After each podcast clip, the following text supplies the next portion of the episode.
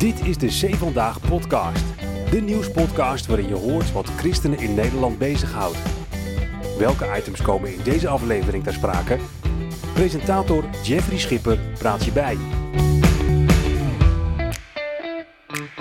Normaal gesproken bespreken we met Andries Knevel, voormalig EO-presentator, het laatste christelijke nieuws. Dit keer maken we met hem een thema-podcast over de Revozuil. Want vorig jaar heeft hij laten weten in Gouda tijdens een netwerkbijeenkomst dat de Revozuil goud in handen heeft. En daar moeten we het natuurlijk nog wel even over hebben, Andries. Dat lijkt me ook, ja. Ja, want Ja, jouw, uitspraken die klinken nu nog na. Ja, dat, ehm, ik, ik wou zeggen dat verbaasde me, maar dat is natuurlijk niet zo. Dat, dat verbaast me namelijk niet. Ja. Eh, Want je hebt erover nagedacht als je zo'n lezing eh, Zeker, voorbereidt. ik hè? kreeg in de zomer kreeg ik het verzoek, ik zat in Italië notabene, of ik een lezing wilde houden voor eh, het Bijbel, eh, Bijbelbelt netwerk. Ja. En toen heb ik spontaan ja gezegd. En dat heb ik gedaan omdat ik al eigenlijk al jaren loop liep met het idee om eens een keer een ingezonde stuk te schrijven in het Reformatorisch Dagblad dan. ehm, over de Revozuil, omdat ik vind dat er is ook intern wel kritiek op elkaar in de zuil. Ehm, omdat ik vind dat de Revozuil, nou dat was mijn boodschap, en niet, niet, niet weet of niet voldoende weet hoeveel goud het in handen heeft. Dus toen ik in, in de zomer ergens in Italië belde Fred van Lieburg mij, wil je een lezing houden? Ja. Ik zeg, mooi, ik kom, want ik heb een verhaal te vertellen. Dus, en hij zei, moet die, hoe moet de titel dan zijn? Nou, gewoon, over het, het goud van de Revozuil. Dus zo is het eigenlijk gekomen en daarom heb ik die lezing in, eh, in november gehouden. En daar heb ik dus eh, goed over nagedacht. Ja. Ja, ja. Ja. Nou, het goud Ja. komt zo meteen nog wel aan bod, maar we gaan Ja. eerst nog eventjes graven. Hè. Dan moet je voordat je bij goud uitkomt, moet je eerst moet je even graven. diep graven, ja. ja, ja. Dus we gaan even terug. We gaan even de, terug in de tijd, eh, zou ik, zou ik willen zeggen. Want dat, dat was in jouw lezing ook. Hè? De, de, je begon zeg maar bij de verschillende zuilen, waarvan er nog één overeind staat als die Revozuil. Maar dat is natuurlijk ergens begonnen. Ja, de zuilvorming is eigenlijk begonnen begin, eh, begin vorige eeuw met, eh, met Abraham Kuyper. Ehm, en misschien daarvoor ook zelfs nog met Schaapman in de katholieke wereld. Ehm, je kreeg in het eind van de 19e eeuw, we gaan geen historische lezing houden, Nee, eh, nee, maar eind, Even de introductie. ja, ja. eind 19e eeuw kreeg je, kreeg je dus de emancipatie, zowel van katholieke mensen als van, van gereformeerden. Die gingen zich wat meer organiseren. Dus Schaapman die zorgde een beetje voor de katholieke organisatie en, en Kuiper voor de gereformeerde organisatie.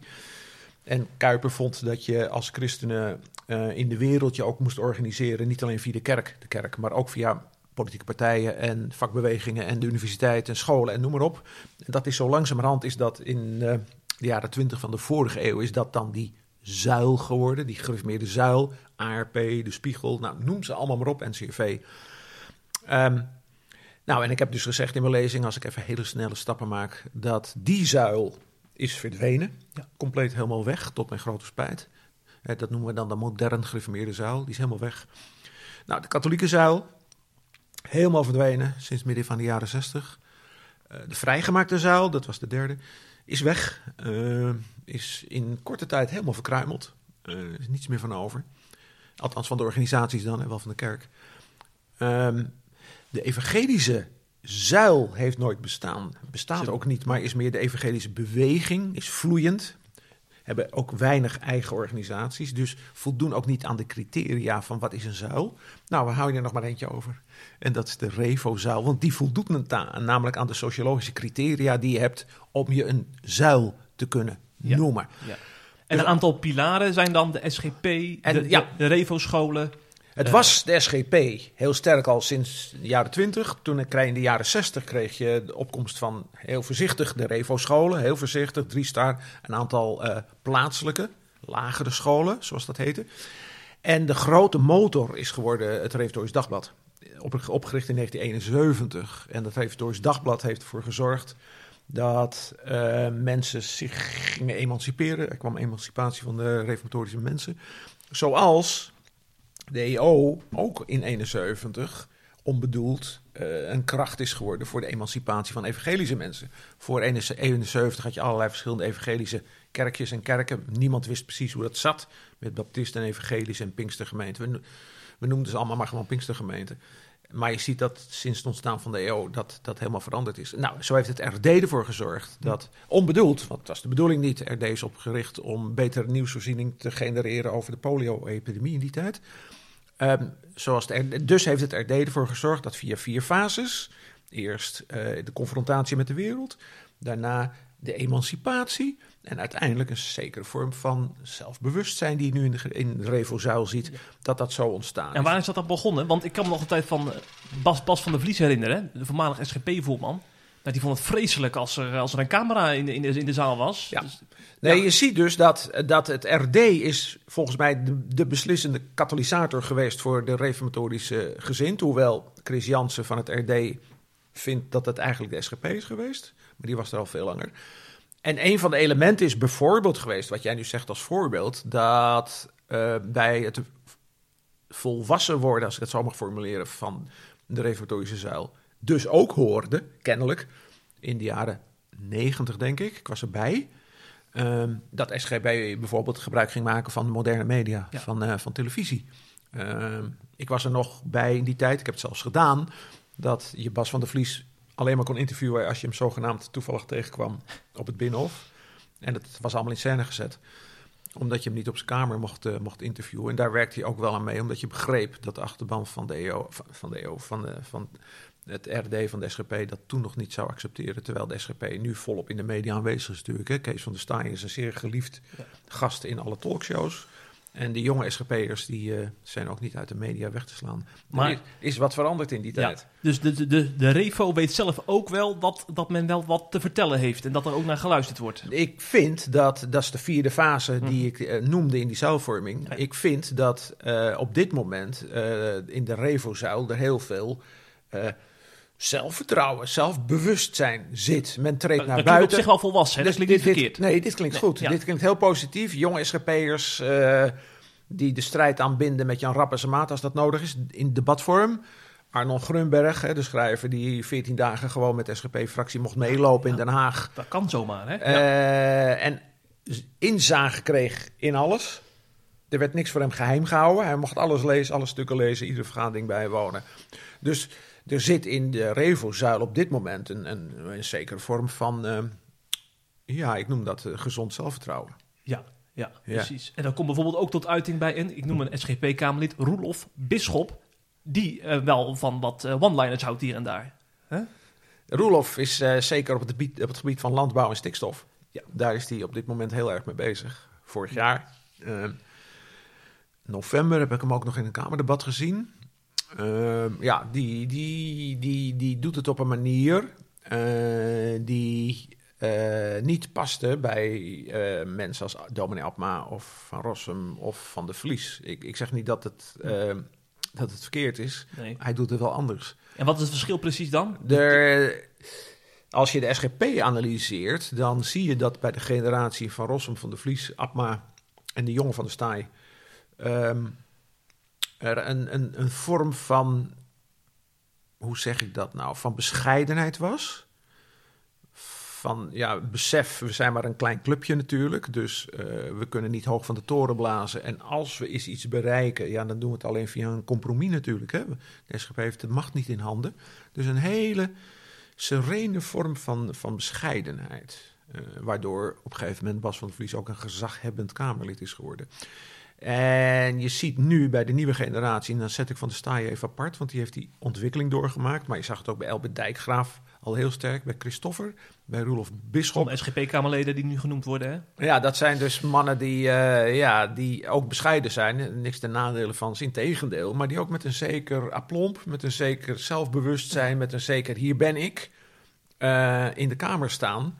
En daar een wat meer assertieve koers ook af en toe varen. Ja, Hm. ja. Hm, hm. ja. Wel, een veranderd, veranderend tijdbeeld. Hè? Ik zeg ook niet dat het ene beter is dan het andere, maar het tijdbeeld is heel erg veranderd. Mhm, Ja, Dus zij doen daar niet mee. ja, ja. We hebben het nu al in eventjes over de SGP, Ja, maar het dit geldt ook voor de, voor de Revozel aan zich dan. Ja hoor, dus zij staan model, denk ik, voor, eh, voor een mentaliteit, voor een houding, voor een geesteshouding. ehm, die je ook in de SGP-zuil ziet. Kijk, in de RD-zuil. De, de Revo-zuil is tegenwoordig een heel goed opgeleide zuil. Hè? Ik bedoel, ook Kuiper, die begon met de, de kleine luiden. De reformatorische mensen werden de stille luiden genoemd. Maar je ziet natuurlijk dat door het onderwijs, het reformatorisch onderwijs, daar heb je het. eh, er zitten eh, 25 à 30.000 jongeren alleen al in het reformatorische voortgezette onderwijs. Zo aantallen, hè? Dat zijn aantallen. Dus die jongens en meisjes die worden gewoon hoog opgeleid. En die, die hebben ook het gevoel, ik heb, ik heb iets te vertellen. Of dat nou in de Tweede Kamer is of via de krant. Of veel in het bedrijfsleven. Er zitten heel veel in die ICT. Ehm, ja, het zijn, het zijn volwassen burgers van de samenleving geworden. Door een lang emancipatieproces. Wat dus volgens mij begonnen is in 1971. Maar anderen vinden dat dat nog ietsje eerder is begonnen. Vanwege de SGP natuurlijk. Hè? Ja. Ja. Maar ik vind 71 een heel bepalend jaar eigenlijk. Voor de ontwikkeling van de Revozaal. 71. 1971. Mhm, mhm. Zeker. Ja, De ja. krant. Het RD. Mhm. ja toen, toen kwam het RD eh, Ja, in beeld. Ja, ja, precies, precies. Ja. Pas onlangs een jubileum gevierd trouwens, hè? Het. RD. Ja. Ja. En eh, je ziet het dat het de krant goed gaat in een, eh, in een tijd waarin het natuurlijk lastig is voor, voor media. Ze zijn, hebben natuurlijk ook de omslag gemaakt naar digitaal. Ehm, dat, hebben ze, dat doen ze goed natuurlijk, omdat er veel ICT-kennis ook in het achterland zit. Ja. En zo'n krant heeft ook natuurlijk een ontwikkeling doorgemaakt. Ik heb het eerste nulnummer nog uit 71. Ziet er ietsje anders uit dan nu. Ehm, ja, dus ook de krant gaat met zijn tijd mee. Hm. In ieder geval qua vormgeving. Niet Ja. qua principe, zal de krant zeggen. Mhm. Nee. Als we nou eens eh, eh, dieper de reven zo induiken, hè? Want naar buiten toe is het nu al helder, hè? Dat het zelfbewuster is, dat, hoe men overkomt. En die zelf staat als een huis. Maar als je nou kijkt hoe men intern met elkaar omgaat, dan, dan eh, zie je daar ook een ontwikkeling. Zei je tijdens de Bijbelbeldlezing. Nou, Chris Jansen, hoofddirecteur van het Reformatorisch Dagblad, oud-hoofddirecteur en socioloog, hè, die het allemaal eh, altijd keurig op een rijtje zet, wat er in de gereformeerde gezinte aan de hand is, of in de Revozuil, moet ik zeggen. Die, zei, die signaleerde dus nu een, een links-, midden- en rechtsontwikkeling binnen de Revozuil. Eh met name op het gebied van, van theologie. Ehm, en dat heb ik ook gesignaleerd. Ook in mijn lezing heb ik dat gezegd. En dan kom ik bij het voorbeeld waar zij vandaag veel aandacht aan heeft besteed. Dat was de, de controverse tussen dominee Kort uit Krimp aan de IJssel en dominee van der Brink van de Herstel te Vormde. En dominee Kort van oud van de gemeente.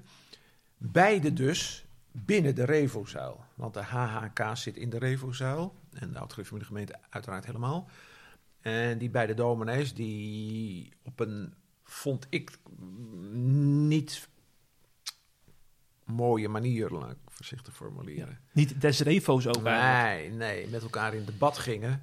En dan gingen ze in debat over een onderwerp wat natuurlijk in de Revozuil heel belangrijk is, namelijk de functie van de prediking in de wet. Eh, de weg van de toe-eigening van het heil. Hè. Ik bedoel, wat, wat is volgtijdelijk? Wat is volgtijdelijk de ervaring van Gods kinderen? Ehm, en welke rol heeft dus de wet en de zondekennis? En wanneer mag er iets van genade worden gepredikt? En het onderscheid tussen de belofte van het evangelie en de aanbod van genade. Nou, ik weet het allemaal, kan het je allemaal uitleggen. Ehm, en dat werd een forse controverse. Eh, en wat je dus ziet is dat binnen de Revozuil ehm, dus er dus ook ontwikkelingen zijn dat men binnen die zuil wat uit elkaar aan het groeien is. Wat, wat ik natuurlijk heel Maar in de jaren spijtig 70 vind. werden er toch ook verschillend gedacht over geloofszekerheid en over aanbod van genade, Ja. of niet? Eh, ja, nee, 54, 53, 54 is daar een kerk op gescheurd. Ja, daarom. Dus zo is de gereformeerde gemeente ontstaan, de gereformeerde gemeente Ja. in Nederland ontstaan de gereformeerde gemeente, toen die toen nog heette, in Nederland en Noord-Amerika. Ja, alleen je hebt tegenwoordig de media, hè? Ja, Eh, je hebt Zee Vandaag. Hm, dat was toen eh, nog niet in 71. Dat was toen nog niet, nee. Dus je hebt, eh, doordat eh, het wat meer uitgespeeld wordt in de media, krijgt het een grotere impact. Het viel me overigens op dat het RD er geen aandacht aan heeft besteed aan deze controverse. Want die dachten, dat doen we maar even niet deze keer. Dus dat Ja. begrijp ik ook wel. Dus wat je ziet is dat dus ook weer binnen, binnen zo'n revozuil... Maar ja, het is algemeen menselijk, hè? Dus ook weer verschillen aan het, eh, aan het ontstaan zijn tussen, eh, laat ik zeggen, de linker revozuil en de rechter revozuil. Nou, de woorden komen van Chris Jansen, dus ehm, hij heeft het gezegd. Ja, ja, ja. Maar ehm, eh, wat betekent dat voor de revozuil eh, op, op zich? Gaat, die, gaat die dan een beetje wankelen, die zuil, door, door, daardoor? Of is het juist ook... Het kan natuurlijk ook wel gezond zijn dat je flanken hebt, hè? Er zijn heel Nou. veel mensen die juist die flanken in stand willen houden om het gezond te houden. Kijk, op het moment dat je, dat je in welke organisatie dan ook, of dat nou een vakbeweging is of bij wijze van spreken een voetbalclub of in dit geval de Revozaal, eh, natuurlijk heb je flank. En op het moment dat je daar op een volwassen manier mee omgaat en erkent dat iemand ehm, ten aanzien van een bepaald onderwerp ietsje anders in het leven staat dan dan, dan is het alleen maar gezond. Dan heb je een gezond debat, dan heb je geen stilstaand water, dan gaat het nog ergens over. Maar op het moment dat dat echt elkaar uitsluitend is, ehm, dan ben je niet goed bezig. Dreigt het niet te gebeuren, het uitsluiten? Mm, nee, ik zie Hmm. bijvoorbeeld een ontwikkeling dat de HHK, nou de HHK, een dominee uit de HHK, dominee van de weg Ja. in Apeldoorn, die geeft een kanselruil met eh, de PKN in Apeldoorn. Ja, maar dan zeg ik ook, dat is één keer per jaar geloof ik. Ja, in Ja. december, ja. Eén keer per jaar in één gemeente in, in Nederland. Eh, dat, dat is voor dominee van de weg een grote stap, maar het stelt natuurlijk, verder stelt het helemaal niks voor. Ehm, dus wat, wat ik zie gebeuren is dat die Revozuil wel een beetje bij elkaar, eh, bij elkaar blijft, ook sociologisch gezien. Ehm, en dat er in die Revozuil, want daar ging het me eigenlijk om, dat er goud zit. Eh, Dus het, Ja. gaat, het ging me niet zozeer om de verschillen in die Revozuil, hoewel ik natuurlijk wel eventjes Chris Jansen moest citeren. Maar de boodschap was eigenlijk, jongens, er zit goud in jullie zuil. En ehm, wees daar trots op en doe daar meer mee. Mhm, mhm. Ja, Dat was hem eigenlijk. Doe, Ja. daar, doe daar meer mee. Ja. ja. Voordat we naar dat goud gaan, nog heel Ja, even dan die evangelische beweging. Hè? Want ik wil dan toch even, dat is een, eh, toch wel een, een tegeltje, wil ik even citeren. Eh, jij zei namelijk, eh, de invloed van de bundel opwekking is groter dan alle theologische publicaties van theologische hoogleraren in de afgelopen 40 jaar. Nou, dat is, dat is een uitspraak hoor, Andries. Ik zag, ook, ik zag ook wel mensen schuifelen op hun stoelen in de zaal toen je dit zei. Hij is nog waar ook. Ja, waar, waar blijkt dat uit dan? Kijk, wat je ziet, dat is dat... eh, ik, kijk, ik ben theoloog. ehm, en ik ben begonnen in 1971. Dus ik heb het idee gehad, hè, omdat ik eh, vorig jaar met pensioen ben gegaan eh, in 2021. Dat is precies 50 jaar. Dus ik ben 50 jaar theoloog. Althans een beetje, want ik heb ook andere dingen doe ik. In, voor mij heeft professor Berkhouwer, eh, de gereformeerde theoloog, heeft een boek geschreven. 50 jaar theologie was tussen 2021 en 1971. Dus ik dacht, weer 50 jaar theologie erbij, dat ga ik schrijven. Maar dat gaat mij eh verre te boven, dus dat boek ga ik niet schrijven. Maar ik heb natuurlijk wel veel nagedacht over de vraag: wat is nou in die afgelopen 50 jaar gebeurd? Dat ik een beetje geïnteresseerd was in theologie. En dan zie ik dat met name in de niet-revo-gedeelte van de gereformeerde gezinten er de afgelopen 10 jaar, 15 jaar een enorm omslag is gekomen in spiritualiteit. Door het zingen van opwekkingsliederen. Niet door al die prachtige publicaties. Ik heb ze hier allemaal in mijn studeerkamer staan van al die goede theologen. Die allemaal geweldige boeken hebben geschreven. Maar die het kerkvolk natuurlijk nauwelijks hebben bereikt. En dan komt er zo'n bundel opwekking, een aantal bundels opwekking, de organisatie opwekking. En dan ga je andere liedjes zingen, eh, liederen. En die hebben een andere, andere geest, andere spiritualiteit. Daar zit de zekerheid van het geloof ten volle in. Daar wordt niet nagedacht in die liederen over de toe-eigening van het heil. Daar gaat het over worship en daar gaat het over praise. Daar gaat het in de eerste 500 nummers trouwens helemaal niet over aanvechting en ook niet over het, het feit dat het leven nog wel eens pittig is. Dat komt wel in de hogere nummers komt dat wel terug. Maar wat je ziet is dat het zingen van die liederen eerst buiten de kerk, later gewoon binnen de kerk. Je weet, ik preek op zondag. En ik spreek veel in PKN-gemeentes en ook in uh, christelijke kerken. En ik, er is geen gemeente meer waar die opwekking wordt gezongen. Dus als ik een liturgie wil maken, krijg ik soms aanwijzingen. Meneer Knevel, we zingen dit en dit en dit uit deze bundels. Opwekking. Dat heeft een andere spiritualiteit. Ik zeg niet het verkeerde, maar het is wel zo. En wat je nu ziet, en daar waarschuwde dominee de Heer erg tegen. Ja, van de gereformeerde gemeente. In ja. Middelburg, die heeft een dissertatie geschreven over de evangelische beweging. En die heeft mijn stelling daarin opgenomen. Namelijk dat door die liedkeuze, uh, die je ook in de gereformeerde gemeente achterban hebt, maar niet op zondag, maar wel door de week in de vereniging of bij de studenten, er een andere vorm van spiritualiteit komt. En toen noemde hij bewust opwekking 770, het meest bekende opwekkingslied op dit moment. Ik zal er zijn, van Sela. Uh, onnoembaar aanwezig uh, deelt u mijn, uh, mijn bestaan. En ik heb de afgelopen maanden ben ik langs een aantal studentenbewegingen geweest, studentenverenigingen, op reformatorisch grondslag. En wat gebeurt daar? Daar wordt gezongen, nou dat is wel heel wat, daar ben ik blij om. Maar er werd uit opwekking gezongen. Ja, door allerlei studenten uit de gemeente, de Bond. Eh, ook, ook een psalm.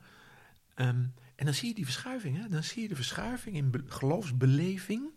Vergeleken met hun ouders en met hun grootouders. En dat komt niet door die dikke boeken die ik boven heb staan. Die ik zo mooi vind. Maar dat komt door een eenvoudige zangbundel. Ja, zoals dominee de Heer zegt. Al die troostliederen. Hè? Opwekking 77 nog maar even als voorbeeld. Al die liederen van troost en van bemoediging. Ja, dat is niet zoals wij, zegt hij dan. Zoals wij dat gewend zijn en zoals ook in onze kerken geleerd wordt. Dus ja, ik houd mijn stelling hou ik, eh, als tegeltjeswijsheid ten volle staande. En hij wordt alleen maar bevestigd. Maar wat zegt het dan dat, zeg maar, dat, dat gewone kerkvolk op die studentenvereniging eh, dan opwekking zingen uit volle borst en dat zijn dominee de Heer dat als een gevaar beschouwt? Maar dat, dat, dat, dat, spoort niet met elkaar helemaal, hè? Nee, dat is dominee de Heer, die ziet terecht dat in zijn kerk, in dit geval de Griff van de gemeente, dat in zijn kerk er sluipende wijze een andere vorm van spiritualiteit komt. Ja. Ehm, en daar waarschuwt hij tegen. Omdat de klassieke vragen dan over de toe-eigening van het heil, over de functie van de, wet in de prediking, over de doodstaat van de, van de mens, ja, die verdwijnen dan langzamerhand wat op de achtergrond als je liederen zingt waarin je zeker bent van je geloof. Dat, hè, wat in de opwekkingsbundel ten volle eh, aanwezig is, daar, zit, daar zitten geen nauwelijks, nou ik ken ze niet allemaal, maar er zitten geen nummers bij die echt over die, over die toe-eigening van het heil gaan. Of over de doodstaat van de mens. Om het, ik vind het een naar woord, maar goed. Ehm, dus als, als, als, dat, als dat sluipende wijs de gemeentes ingaat, dan heeft dominee de Heer heeft natuurlijk een punt als hij zegt, dit wil ik niet. Ja, ja. Maar de, de revozuil van deze eeuw, zou ik maar zeggen, dat, dat, eh, daar hoort opwekking dan wel of niet helemaal bij. De revozuil van de komende eeuw, van Ja, deze eeuw, ja. daar hoort opwekking helemaal niet bij. Alleen, daar komt opwekking sluipende wijs wel binnen. Ja, en dat is niet tegen te houden. Dat is absoluut niet tegen te houden. Hm. Dat is niet tegen te houden. Die, jongerenorganisaties, nee, dat is niet tegen te houden. Nee, dat, de de Bond heeft die strijd verloren natuurlijk. Hè. Die heeft ze nog die liederen opgenomen in weerklank en op toonhoogte. Eh, de Christen Middenkerken, althans dat deel wat, eh, wat opwekking, eh, wat niet negatief staat ten, op, ten opzichte van opwekking, heeft, heeft gewoon de bundel geaccepteerd. Geen eigen bundels, vrijgemaakte kerk. Idem dito, helemaal. Ehm, dus kerken die, die het tegen willen houden. En, en in de Griffin de Bond nog via eigen bundels, die hebben die strijd verloren. En kerken die het helemaal tegen willen houden en er helemaal niks aan doen. De gemeentes, de verschillende, en de HK, daar komt het sluipende wijs binnen. En een deel van de Griffin de gezinten, eh, waar, die zei van, ja, laat maar. Die hebben het te volle geaccepteerd. Ja. En dan gaan we nu naar dat goud. We hebben nu genoeg gegraven. ja. Ze hebben goud Mooi, in handen. Ze hebben die- die- goud in handen. Ja, ja, Zeker. ja. En dat heeft dus ook te maken met eh, al die tienduizenden Revo-jongeren die eh, ja, helemaal in die cultuur, in die Revo-cultuur zitten. Daar gaat het mij om. Kijk, we leven in een, e- in een eeuw. Misschien hebben mijn voorouders het ook wel gezegd. Maar we leven in een eeuw, in een tijdsgevricht, vind ik. Waarin er ontzettend veel bedreigingen, verleidingen op ons afkomen. Op mij als 70-jarige en, en op onze jongeren. Ehm, ik denk dat het lastig is voor jongeren tussen de 12 en de 20 om het zo maar even te formuleren, maar die, die grenzen zijn vloeiend, om in je uppie te geloven. Ik denk dat je pedagogisch gezien, psychologisch gezien, theologisch gezien, een fase in je leven nodig hebt, waarin er een zekere discipline van je wordt gevraagd. Ja, de disciplinering. Waarbij er een aantal grenzen worden aangegeven. Waarbij er ook een groep van ongeveer gelijkgezinden rond jou bestaat. Waarbij je niet de enige bent. Nou, al die elementen van groepsvorming, de peer group, hè, dat is de groep van mensen om jou heen met wie je ongeveer gelijkgezind bent, met wie je ook dingen kunt delen. De discipline, ook als je geen zin hebt, ga je toch. Ehm, het aangereikt worden van een bepaalde theologische, geloofsmatige taal, dat vindt plaats in zo'n, nou, ik noem het maar een zuil. Je mag het een bubbel noemen, een beetje plat woord, maar ik noem Ja. het gewoon maar een zuil. Ehm, en ik denk dat in deze fase van de cultuur je die beschermende kokon, nou, nog een woord, kokon van een zuil nodig hebt tussen je twaalfde en twintigste, of laten we zeggen tot het eind van je studietijd, voor de jongeren die studeren, dus tussen de twaalfde en vijfentwintigste. En ik zie ook dat om mij heen, ehm, in de kerken die bij die Revo-zuil horen, dat daar de jongeren massaal naar de kerk gaan. Dan kan je natuurlijk die vraag bij stellen, waarom? Maar dat is de sociologie. Ja. Sociologievraag. Massaal naar de kerk gaan. Ik zie tegelijkertijd dat in heel wat andere kerken van gereformeerde gezinten de leegloop onder jongeren ontzettend groot is. Ontzettend groot is. Ik preek ook in kerken waarbij er gewoon een gat zit. Ik bedoel, kinderen, kinderkerk, zondagschool en ouderen. Ja, ouderen ook vanaf 40, maar die hele groep pubers, die, die is er nauwelijks meer. Um, dus de gereformeerde gemeenten, de Revo Zuil, is in staat om die jongeren een tijd lang bij de kerk te houden. En daar zit een stukje sociologie in, dat weet ik. Daar zit een stukje, we doen het maar voor de buren, bij wijze van spreken. Er zit een stukje, we doen het omdat we het altijd deden en uh, geen vragen, want we doen het. En tegelijkertijd heeft dat een hele positieve kant. Dus de, reformatorische zaal is de ene. Ja, er is mijn zaal. De reformatorische zaal is in staat om zijn jongeren uh, het meest te bedienen. Mede ook omdat ze die alleen al bij het voortgezet onderwijs tussen de 25 en 30.000 jongeren op scholen hebben. Dus je kunt ze ontzettend veel meegeven. Je kunt ze vormen. Je kunt ze sierlijke burgers, roep ik wel eens, van de samenleving maken. En je hebt ze bij je nog. Je hebt ze bij je. En dat, Mhm. zie, ik, dat zie ik nergens anders meer. Zelfs niet in de evangelische beweging zie ik het ook niet. Nee, nee. Nou, dit, dit was mijn verhaal. Van jongens, ja. let op je goud. Maar wat, eh, ik, ik, ik zit even te denken, er zijn natuurlijk ook heel veel modern gereformeerden. Die zien dan ook, eh, die maken zich zorgen over die jeugd daar. Maar wat, wat kunnen die dan, die dan eh, hiermee? Want die hebben geen zeil meer dus. Nee, die- Maar die willen wel de jongeren vasthouden. Nou, dat zie ik in allerlei publicaties die ik ook lees. Van een, een gereformeerd vormingscentrum, vrijgemaakt vormingscentrum voor jongeren. Ik las een pas verhaal van dominee De Jager uit Dwingelo. Jong, een, een jonge, jonge dominee die heel erg met zijn jeugd bezig is, alleen de jeugd is er niet. Ehm, ja, dat weet ik niet. Ik heb daar ook geen antwoord op. Ik vind dat buitengewoon zorgen. Mijn enige antwoord is maak een nieuwe zaal. Dat werkt niet. Nee. Ehm, dus ik heb daar geen antwoord op. En ik zie dus overal individueel, zie ik jongeren nog bij wijze van spreken proberen aan te haken in een uppie of met een paar. En dat verglijdt. Daarom vind ik het zo ontzettend belangrijk, maar dat is een zijstraat, maar ik ben daarmee bezig geweest, dat de studentenbewegingen die rol spelen. Hè, Dus in de CSVR en andere voor de reformatorische jeugd, navigators voor de evangelische en de vrijgemaakte jeugd. Eh, dat in ieder geval nog vier, vijf jaar, en daar met mijn tour langs die studentensteden gedaan, de afgelopen maanden, en hoop ik dit jaar mee door te gaan, dat die, die nog een tijdje lang een zuiltje hebben, eh, een bubbel hebben, eh, een, een peer group hebben, waarin ze nog vier, vijf jaar elkaar kunnen dienen, elkaar kunnen vormen en zo de samenleving in kunnen gaan. Maar ik vind het op dit moment voor kerken waarbij weinig jeugd is, vind ik het dramatisch. Mhm, mhm. En daar heb ik ook geen antwoord op. Ja, Daar ja. heb ik geen antwoord op. Nog even op die, eh, inzoomen op die revo-jongeren. Eh, want ik, ik luister ook wel eens een podcast van eh, Niet van de Wereld. Ik weet niet of je die inmiddels ontdekt hebt. Van Ja, ja, ja, ja, ja, ja, ja, ja. Is, hij- in de NRC stond hij op nummer 1. Ja, nou, dat zegt genoeg. Dat zegt een genoeg. hele goede podcast dus. Hele goede podcast, ja. Maar dan, dan hoor je daar ook revo-jongeren aan, aan het woord. En dan, dan denk je, ja, eh, eh, goud in de revo-zeil. Ik heb het idee dat die dat dan toch zelf anders interpreteren. Want eh, zij zoeken het volgens mij inderdaad niet per se in die revo-zeil. Terwijl die ouders dat wel heel, al, die, al die rijkdom uit uh, revo-zeil hen aanreiken. Nee, maar daar zit, daar zit dan ook de spanning. Want Ja. Chris Jansen heeft, hè, ik noem zijn naam nog maar eens... eh, de socioloog, oud-hoofdredacteur hoofdredacteur van het Reformatorisch Dag- Reformatorisch Dagblad... heeft in een concurrerende podcast van het Nederlands Dagblad... eh, een paar weken geleden gezegd... Hmm. dat hij dus ook heeft uitgerekend hoeveel jongeren... of hoeveel mensen de gemeenten hebben verlaten. En dat het eh, getalsmatig eh, op peil is gebleven in die kerken... door eh, ja, de grotere gezinnen. Maar de secularis- slaat- secularisatie slaat daar ook toe. Ik bedoel, de gezinnen worden kleiner. En dat betekent dat hij voorziet als socioloog, hè? niet als de gelovig, maar als socioloog, Mhm. dat die cijfers inderdaad ook daar naar beneden zullen gaan. Hè? Terwijl de enige kerken nog zijn of waren die een zekere groei eh, lieten zien.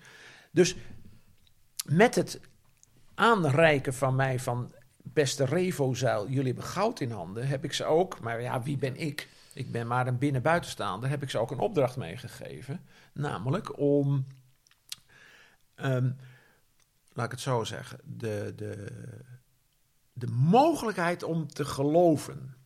Ik ga heel voorzichtig nu praten. Het is gevoelig thematiek. Ik ga heel, ja, wat ik ga zeggen is allemaal gevoelig. Maar in de Griffemidden gemeenten is het nou niet zo vanzelfsprekend dat jongeren eh, allemaal als, allemaal, voor een deel als gelovigen worden gezien. Als ze 18, 19, 20, 21 zijn. Ook niet als ze belijdenis doen. Want voor een deel is dat dan altijd nog de beleidenis van de waarheid. En niet de beleidenis van het eigen geloof. Ik denk, maar dat zeg ik heel, heel voorzichtig. Ik denk dat als je eh, je jongeren meer aanreikt vanuit de traditie van de Reformatie, Luther en Calvijn, ehm, dat de mogelijkheid om te geloven groter wordt en dat dat een binding kan blijven om bij kerk en geloof te blijven.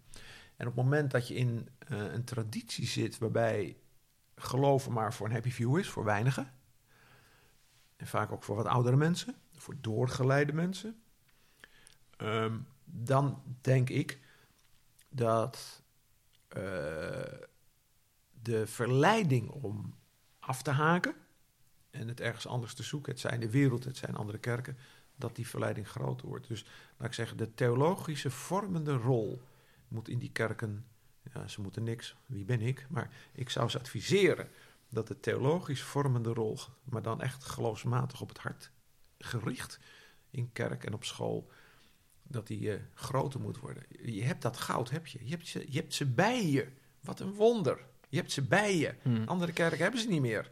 Dus, eh, dus ga, ga met ongelooflijk veel geloof, passie, bewogenheid. Ga met ze om, zo. Dus rijk het geloof aan. Hang, hoe heet die uitdrukking? Hang het allemaal niet te hoog. Hm. Maar ik heb toch wel het idee dat, je hebt het over Luther en Calvijn en zo, dat dat, dat aan de lopende band toch wordt aangereikt. Of zie ik het nou verkeerd? Ik zit niet iedere week, iedere zondag in alle Nee. kerken van de Nee. Griff. Nee, Nee, maar ik, ik hoor ze altijd voorbij. Ik zie in die kerkbladen zie ik die namen voortdurend Ja, voorbij nee, ik komen. zie Luther en Calvijn wel voorbij komen. Ja, maar de- de- de- toen, toen, toen Gert van der Brink Luther eh, citeerde dat Luther zegt: Als je het gelooft, dan heb je het. Of als je ja zegt, dan heb je het. Ja. Geloof. Toen kreeg hij de kritiek natuurlijk Ja, van dominee Kort. dat, er moet met de mens heel wat gebeuren voordat het allemaal. eh, nee, dat. Nee, Die vertaalslag wordt heel anders gemaakt. bij Luther en Calvijn, maar dan inderdaad over hun directe, heel directe communicatie over wat geloof is. Ik moet zeggen dat ik geschokt was toen ik voor het eerst Calvijn ging lezen. Vanuit mijn bevindelijke achtergrond. Ja. Ik heb zijn preken toen, heel veel van zijn preken gelezen. En toen dacht ik, maar ehm, geachte meneer Calvijn, u bent eigenlijk helemaal niet bevindelijk. Eh, U werpt helemaal geen drempels op. u werpt geen drempel op en u gaat er maar vanuit dat die gemeente voor een groot deel uit gelovigen bestaat. Nou, later heb ik begrepen al hoe het zit. Ik heb toen de institutie ben gaan Ja. lezen. Maar dus laten we zeggen, de, de eenvoudigheid, Mhm. de eenvoudigheid van het geloof. Ja. Ja. Ja. Maar dit, dit, zou, dit zou natuurlijk wel een revolutie betekenen. Hè? Als, als die eenvoudigheid ook mainstream zou gaan worden Een in de revolutie- revo-cel. Een revolutie met een F. Ja. Ja. ja. Ja. Ja. Nee, Ja. Dat, dat zou het. Eh, dus daarom, daarom, daarom gebruik ik mijn, mijn woorden ook heel voorzichtig. Mm. Ehm, maar het is wel mijn overtuiging. Ja. Eh, want op het moment dat, eh, dat ook Chris Jansen zegt... er verlaten heel wat jongeren onze kerken. Alleen je ziet het niet, omdat ons geboortecijfer nog zo hoog is. Dan moet je analyseren waarom ze de kerken verlaten. En ga- gaan ze in mijn studietijd theologie in Utrecht... kwam een groot deel van de studenten kwam uit de Griffin gemeente... Dus gaan, gaan de jongeren uit de Griffin gemeente gaan die naar de volgende filiaal, gaan ze naar de Griffin de Bond of zoiets. Nou, ik zou zeggen, dank u wel daarvoor, fijn. Of trekken ze, trekken ze de wereld in, ja. Daar moet maar onderzoek naar gedaan worden, dat weet ik niet. Maar dat was ook mijn boodschap niet. Mijn boodschap was, jullie hebben zoveel, jullie hebben zoveel goud, jullie hebben zoveel jongeren. Je hebt zoveel aan te reiken. Eh, kijk eens naar kerken eh, waar het anders zit, hè, waar ze met de handen in het haar zitten of waar de jongeren weg zijn. Ehm, doe er wat mee. Je zegt dat de Revo zelf goud in handen hebt. Een, een, een paar jaar nadat eh, de Revo zelf in het nieuws was vanwege Muit in de kerkgangers in coronatijd. Hè? Ja. Ik weet niet of je de beelden nog kan herinneren. Ze dat die, staan op een netvlies. Ik heb die- er zelfs nog Ja. voor in op één moeten zitten op televisie. Oh ja. Voor een debat met. Kees van der Staaij, geloof ik. Ja. ja, het voorbeeld is natuurlijk die, die kerkganger die bijna een, een, een poonsverslag even aanreed op de parkeerplek in, in, in, in, Urk, zeg maar. Ja. En sindsdien leeft toch wel een beetje het beeld van, ze motten ons niet, ons refo's. En eh, ehm, ja, Staphorst hebben, we- hebben we dat natuurlijk ook gehad in november. ja, Die opstand in Staphorst, rond. Zwarte Piet was dat, hè? Ja, Zwarte Piet. Ja. Ja, ja klopt, klopt, klopt. Ja. En eh, als je dan zeg maar met, het, eh, met die nieuwsgebeurtenis in het achterhoofd hoort dat je goud in de handen hebt, dat is natuurlijk, eh, zo komt op de maatschappij natuurlijk niet over, hè? Nee. Een heel ander beeld van, eh, van de refo's. Ja, je kan, het, ja jou, je kan jouw vraag vertalen vanuit de, de visie die de samenleving op de revo's heeft. Ja. Ik, ik, toen je je zin Mhm. begon, dacht ik net andersom. Namelijk de revo's met hun visie op de samenleving. Ja, ja, ja, Zo van- precies. Ze, mo Ja. ze, ze motten ons niet. Ja, ja. ja, maar dat, als je vanuit de samenleving denkt, Ja. zo denken natuurlijk heel, heel veel jongeren, hè? Van, eh, wij, wij, wij, wij, eh, wij worden op een eiland gezet door, door de maatschappij, dus, Ja. en dan krimpen ze een beetje in. Ja. Zo, zo bedoel ik het een beetje. Ik denk dat dat volslagen ten onrechte is. Ik denk inderdaad dat er problemen zijn rondom de boeren. En daar, eh, daar blijf ik af. Eh, want A, ik heb er niet zo gek veel verstand van. En B, je zal toch maar boer zijn en eh, je ziet je bedrijf ten gronde gaan. En bij Stapport was het, was het inderdaad rond Zwarte Piet zo van... Dit is ons dorp. Dit zijn onze gewoontes. Jullie komen uit Amsterdam demonstreren tegen ons. Dus, hoe zeg ik dat netjes? Ophoepelen. Ophoepelen. Maar ik vind, het zijn incidenten rondom een paar gemeentes. eh, en die worden natuurlijk uitvergroot Ja. in, eh, in de Ja. media. Zo werkt dat. Ik heb er ook gewerkt. En ze worden ook uitvergroot in de eigen kring. Dus het werkt ook vice versa. Dus ook in een aantal dorpen wordt nu gedacht, of werd al lang gedacht, hè, de, die, die linkse randstad, die grachtengordel, hè, die rijke elite, eh, GroenLinks, eh, dat zijn allemaal, eh, D66 natuurlijk helemaal, dat zijn allemaal instituties die ons bedreigen. Ik denk dat het allemaal natuurlijk wel vreselijk meevalt. Hm, Ja. Zeker, zeker. Ja. Dus Ja. Ja, ja. Om nog even terug te komen op dat goud dan. Ik, ik noem nog even tenslotte een naam, ik zeg maar een Tom de Nooier. Hè? Dat is een, dat is een revo jongere, die, die bijna elke week is hij ergens, niet alleen in de christelijke media, maar in, ook in de mainstream media. Hij zit bij op één. Hij, Ja. hij is vast in, de- in het Parool is hij verschenen Ja. met een duo-interview. Ja. Hij zit in allerlei podcasts. Dan denk ik van, als de revo zo goud in handen hebt, zijn dat de podia om dat goud ook uit te dragen. Nee, maar dat vind ik. Eh, even los van Tom nu. Mhm. En, maar dat gebeurt ook. Ik, toen ik in Den Haag werkte, had- kwam Bas van der Vlies bij de EO. Ja. Ehm, de EO vroeg Bas van der Vlies. Dus even andersom geredeneerd. Hè? Ja. En Bas kwam op een gegeven moment aarzelend. Andere media hadden hem niet, wilden hem niet. Raar. Eh, SGP. Ehm, dat is zo veranderd. Ehm, ik zie nu...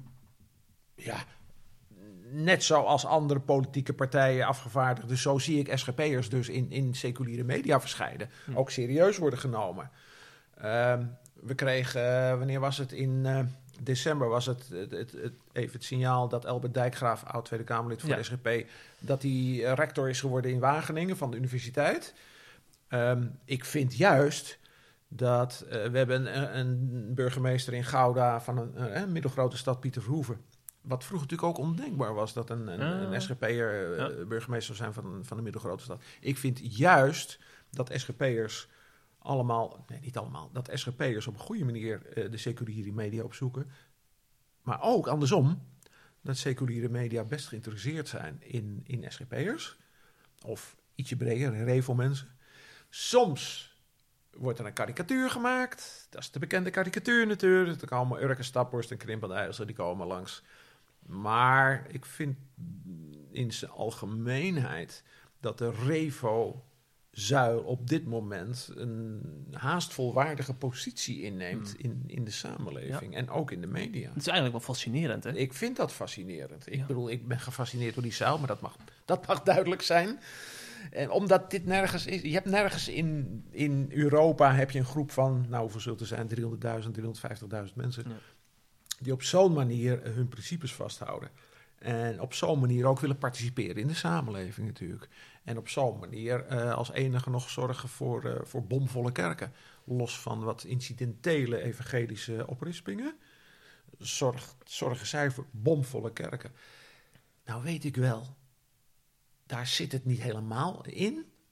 Maar een lege kerk is wel een teken van iets. Mhm. Dus ja en- ja, en een bomvolle kerk ja, is Ja. toch wel een teken van ook wel van iets. Ik maak het niet te groot, maar Mhm. ik zeg het allemaal wel. Ja. Ja, ja, ja.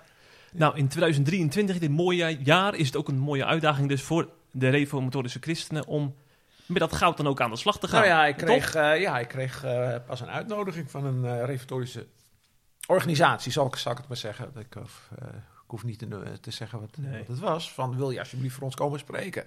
Hierover. Over jouw visie op ons, dat wij goud in handen hebben en wat we met dat goud moeten doen. Of we wat met het goud moeten doen. Doen we het goed? Doen we het verkeerd? Dus eh, kom met ons praten. Nou, dat vond ik wel een mooi signaal, ja. Ja, Ja, ja. ja, Dus eh, refo's, let op uw zaak. Wees trots. Niet al te trots. Dus de oude, oude bescheidenheid mag er ook blijven natuurlijk. Zeker bij jongeren die ik af en toe denk, zo, die gaan... ja, Ja, ja, die zijn er ook. ja, eh, kijk niet te veel naar Cherry, roep ik er maar even bij. Oh ja. Eh. Want dat, dat is echt je bondgenoot niet. Dat is je bondgenoot echt niet. En qua... Ja, en dat hele gevoelige wat we hebben besproken, dat is natuurlijk... eh, die toe-eigening van het heil. Ja. Ja, Ja, ja, ja, ja. Wanneer mag ik een gelovige zijn? Ja. Mm, mm. Ik denk, en als je dat... Maar dat zeg ik dus aan de zijkant, hè. Dus, maar als je dat op een mooie manier aan die jongeren kunt aanreiken... Ja, ik, dan heb je goud in handen. Mm. Ja. Ja, ja, ja, ja. Ik ben heel erg benieuwd. Hè, stel, we zouden hier, als het ons gegeven wordt, over tien jaar nog wel zitten, Andries. Hoe het dan met die zal voor staat. Hè? Want in die tien jaar kan veel gebeuren. Dat is mij gevraagd.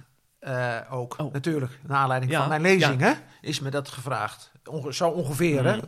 Tien jaar, maar hoe zou het gaan? Ja. Ja, ja. Ja, ik denk. Er gaat van alles in deze wereld gebeuren. Ik denk dat over tien jaar, als wij Deo Volente hier met elkaar zouden zitten, dat die zaal er nog is. Hmm. Ja, Chris Jans is daar ietsje minder optimistisch over.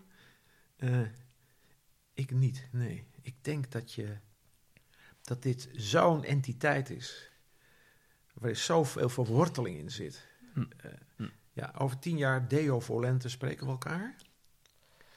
En dan bestaat de zaal nog. Ja, De Revo-zaal als enige. juist. Ja. Nou, goud in handen. En dat is een mooie boodschap eh, voor de reformatorische luisteraar. Want die zitten er ook eh, bij C vandaag.